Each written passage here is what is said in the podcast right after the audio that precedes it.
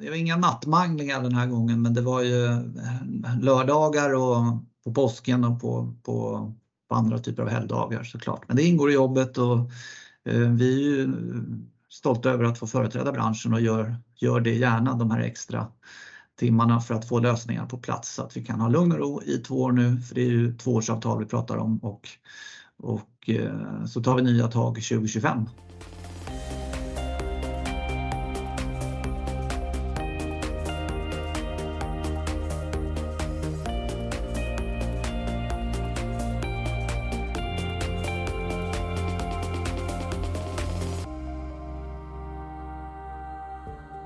Lyssnar på TechSveriges podcast och jag heter David Bogerius. I det här avsnittet så ska vi sammanfatta avtalsrörelsen 2023 med hjälp av TechSveriges förhandlingschef Einar Humlin. TechSveriges förhandlingschef Einar Humlin är expert på bland annat kollektivavtal och arbetsrätt. Han föreläser på Stockholms universitet om den svenska modellen och lönebildning med mera. Han är författare till förhandlarboken om förhandlingar i arbetslivet.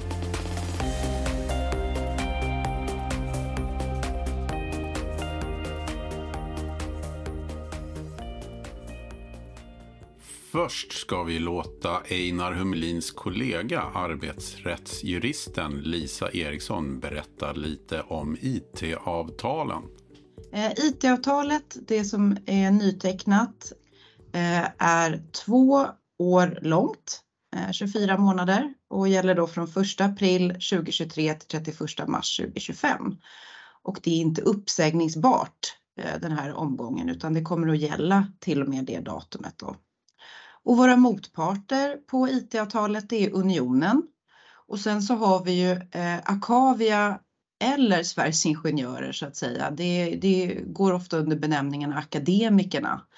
Och om vi börjar med löneavtalet som vi har tecknat med Unionen eh, så är det eh, en löneökning 1 april 2023 om 4,1 procent. Eh, det finns också i år en, något som är nytt för Unionen och för tjänstemän, tjänstemannasidan, en lägsta löneökning om 13,50 kronor som ska läggas på lägsta lönerna Eh, IT-avtalet och det är bara unionen som har sådana. Och då får vi en höjning till 20 811 kronor per månad och för de som har ett års sammanhängande anställningstid så blir det 22 393 kronor per månad. Yes, ska vi gå till akademikerna då? Då eh, har vi inte så mycket ändringar i avtalet i år utan det som är, det vi har implementerat det så kallade märket, alltså 4,1 Eh, nu 1 april 2023 och så är det 3,1 1 ehm, april 2024. Vi har inte gjort några ändringar i, i löneavtalen med akademikerna utan vi har sagt att vi nu i mellanvarande period ska titta på löneavtalen och, och se över om, om, vi kan göra eh, kanske förenklingar och förändringar som vi har gjort då tillsammans med Unionen.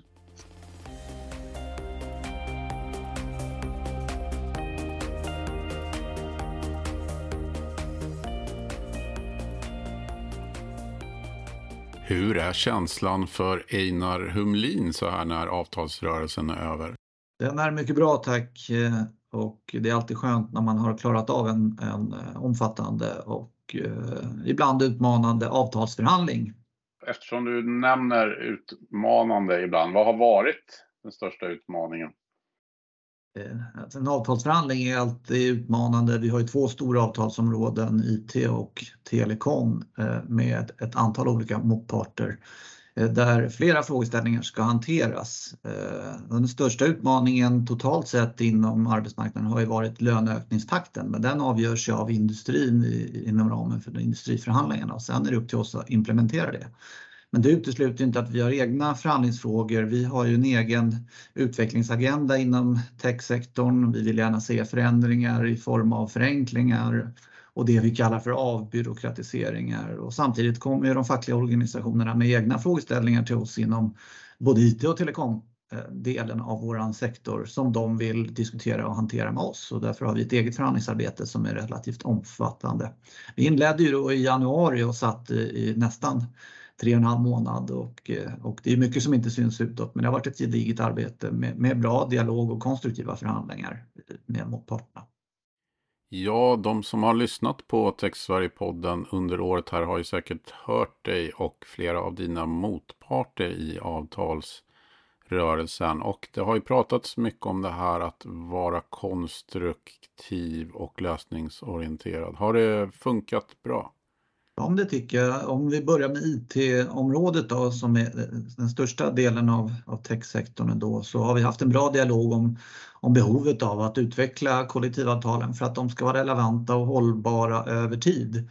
Samtidigt är det ju så att att det är inga enkla frågor att göra upp i en handvändning. Vi har ändå kommit en bit, till skillnad från andra avtalsområden på arbetsmarknaden med, med tjänstemännen så har vi faktiskt lyckats göra ett arbete tillsammans med facken där vi gör vissa förändringar som, som syftar till att göra avtalen mer attraktiva, lättbegripliga och, och lättare att hantera och tillämpa. Och, och det var ju en, en delmålsättning vi hade med den här avtalsförhandlingen. Så det tycker vi att vi har lyckats med.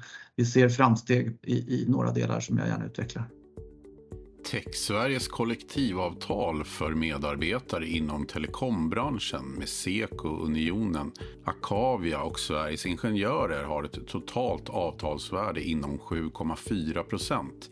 Det vill säga inom det så kallade märket och sträcker sig över två år. Telekomsidan är en, en något tuffare eh, förhandling traditionellt och det beror på att vi har en stor del med eh, fältteknisk verksamhet som det heter, alltså allt utveckling, utbyggnad och eh, service av näten. Eh, där har vi en motpart som heter Seko. Vi har medarbetaravtal, vi har en bra diskussion och en bra dialog med dem också. Men de har eh, i allmänhet ett antal hårdare puckar att lösa som relaterar till arbetsmiljö och där hade vi en, en rejäl diskussion om eh, kan vi lösa det på något sätt och vi fick med gemensamma krafter eh, förhandla fram en lösning som både företagen och vi inom arbetsgivarvärlden kan leva med och som de inom Seko för deras medlemmars skull kan leva med. Är det något som har varit eh, speciellt med eh, avtalsrörelsen 2023 om du jämför med eh, tidigare avtalsrörelser?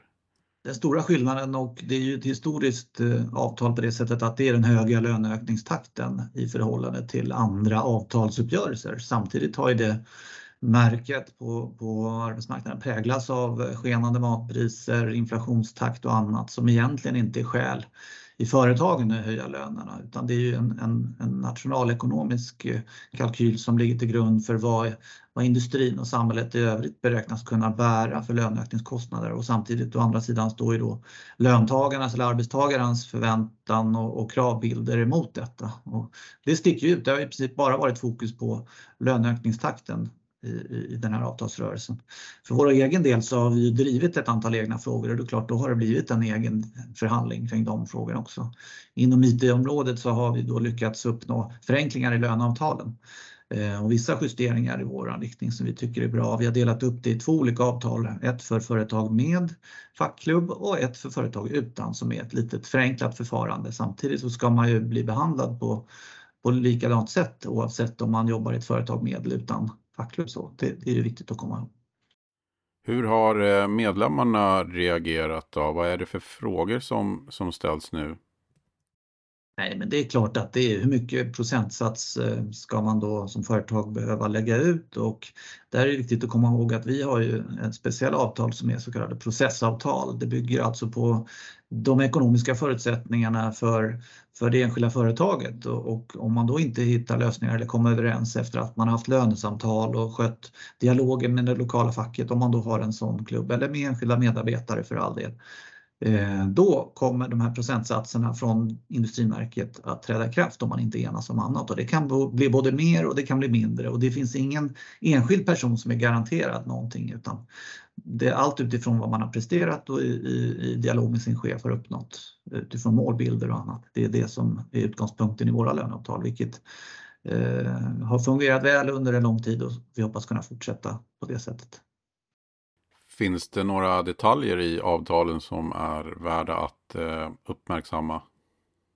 Om det är just på IT-området så, så är ju förenklingarna i löneavtalen. Sen har vi lagt in ett antal texter som är, som är mer av karaktären mjuka skrivningar kring att det, vad man ska tänka på om man har deltidsfackliga som, som eh, har sådana uppdrag i, i, i företagen och lite andra klokskaper kring arbetsmiljö och sånt. Men en, en fråga som vi faktiskt har fått fått eh, med i avtalet. Det handlar om nattarbete och nattvileregler i IT-avtalet där vi tillsammans med Unionen har en samsyn i att, att det, eh, det är relativt vanligt med så kallad undantagen verksamhet. Eh, direkt undantagen utifrån nattarbetsförbudsperspektiv och det tycker vi är bra. Det speglar verkligheten och samtidigt så är det viktigt för oss att poängtera att ska man ha arbete på natt så måste man ju se till att arbetsmiljön är bra för de som ska jobba i, i den typen av verksamhet och så. Så det, det, vill jag också understryka. Men det är bra att vi har samsyn i den frågan. Då, då, det, det underlättar alltid när man ska förklara vad avtalet innehåller för nya medlemmar inte minst, men även de befintliga. Du är ju förhandlingschef men ni är ju ett eh, team som jobbar för Tech Sverige.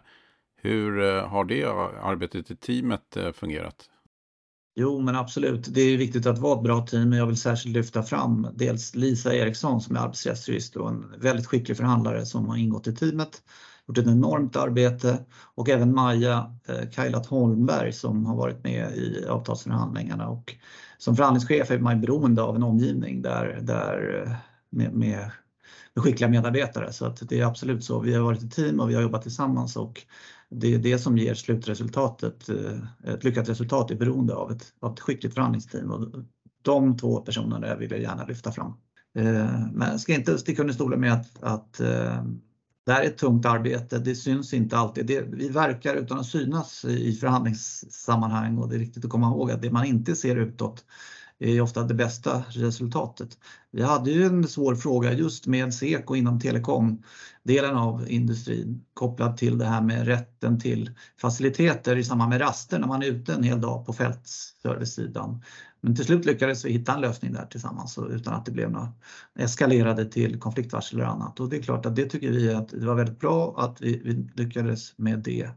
Eh, och det är våra medlemsföretag också väldigt glada för. Nu gäller det att följa upp att det arbetet sen görs ute i företagen för att säkerställa att arbetsmiljön blir så god som möjligt för de som är arbetstagare i den här typen av verksamhet i, i, våran, i, i våran bransch. Var det den nöten som var hårdast av alla att knäcka? Ja, det var det ju absolut och samtidigt måste vi skriva avtalskonstruktioner som fungerar inom ramen för eh, andra sektorer inom svenskt näringsliv. Så det är klart att ett samarbete och ett samspel med dem var ju en viktig ingrediens för att till slut kunna landa in något som både vi kan acceptera och som de fackliga organisationerna eh, fick eh, eh, vara nöjda med. Man har ju hört om eh, förhandlingar som har pågått i, i flera dygn och mitt i natten och, och sådär. Hur eh, tufft har det varit den här gången? Det var en hel del eh, förhandlingstillfällen nu som var både på helger och kvällar och mer tid än vad man, man normalt sett kanske tror. Men det var inga nattmanglingar den här gången men det var ju lördagar och på påsken och på, på, på andra typer av helgdagar såklart. Men det ingår i jobbet och vi är stolta över att få företräda branschen och gör, gör det gärna de här extra timmarna för att få lösningar på plats så att vi kan ha lugn och ro i två år nu, för det är ju tvåårsavtal vi pratar om och, och eh, så tar vi nya tag 2025. Vad eh, tar du med dig för positiva minnen från avtalsrörelsen 2023? det mest positiva är att vi lyckats få till den här dialogen med framförallt unionen om att hitta nya lösningar i löneavtalen på IT-sidan och även vissa andra bitar. Det tycker jag det båda gott för framtiden. Det är ju ömsesidiga avtal som alla ska så att säga, vara delaktiga i och, och balanserade både för arbetsgivarna men också för arbetstagarna. Så det är jag nöjd med och sen naturligtvis att vi kunde undvika återigen kunna undvika en eskalerande situation med Seko och istället hitta en konstruktiv lösning på, på den problematik som faktiskt låg på förhandlingsbordet och var väldigt besvärande i, i förhandlingssammanhanget. Eh, ja, då återstår bara att tacka dig Einar Hemlin för att du än en gång ville vara med i eh, Tech Sverige-podden. Tack själv.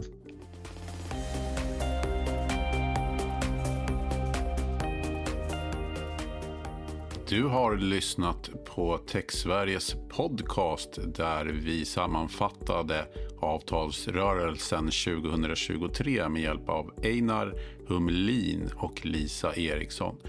Jag heter David Bogerius och jag kan rekommendera er att gå in på techsverige.se eller avtalsrörelsen.nu om ni vill veta mer om avtalsrörelsen och de olika avtalen. TechSveriges podcast är strax tillbaka med nya avsnitt. Tills dess, ha det så bra.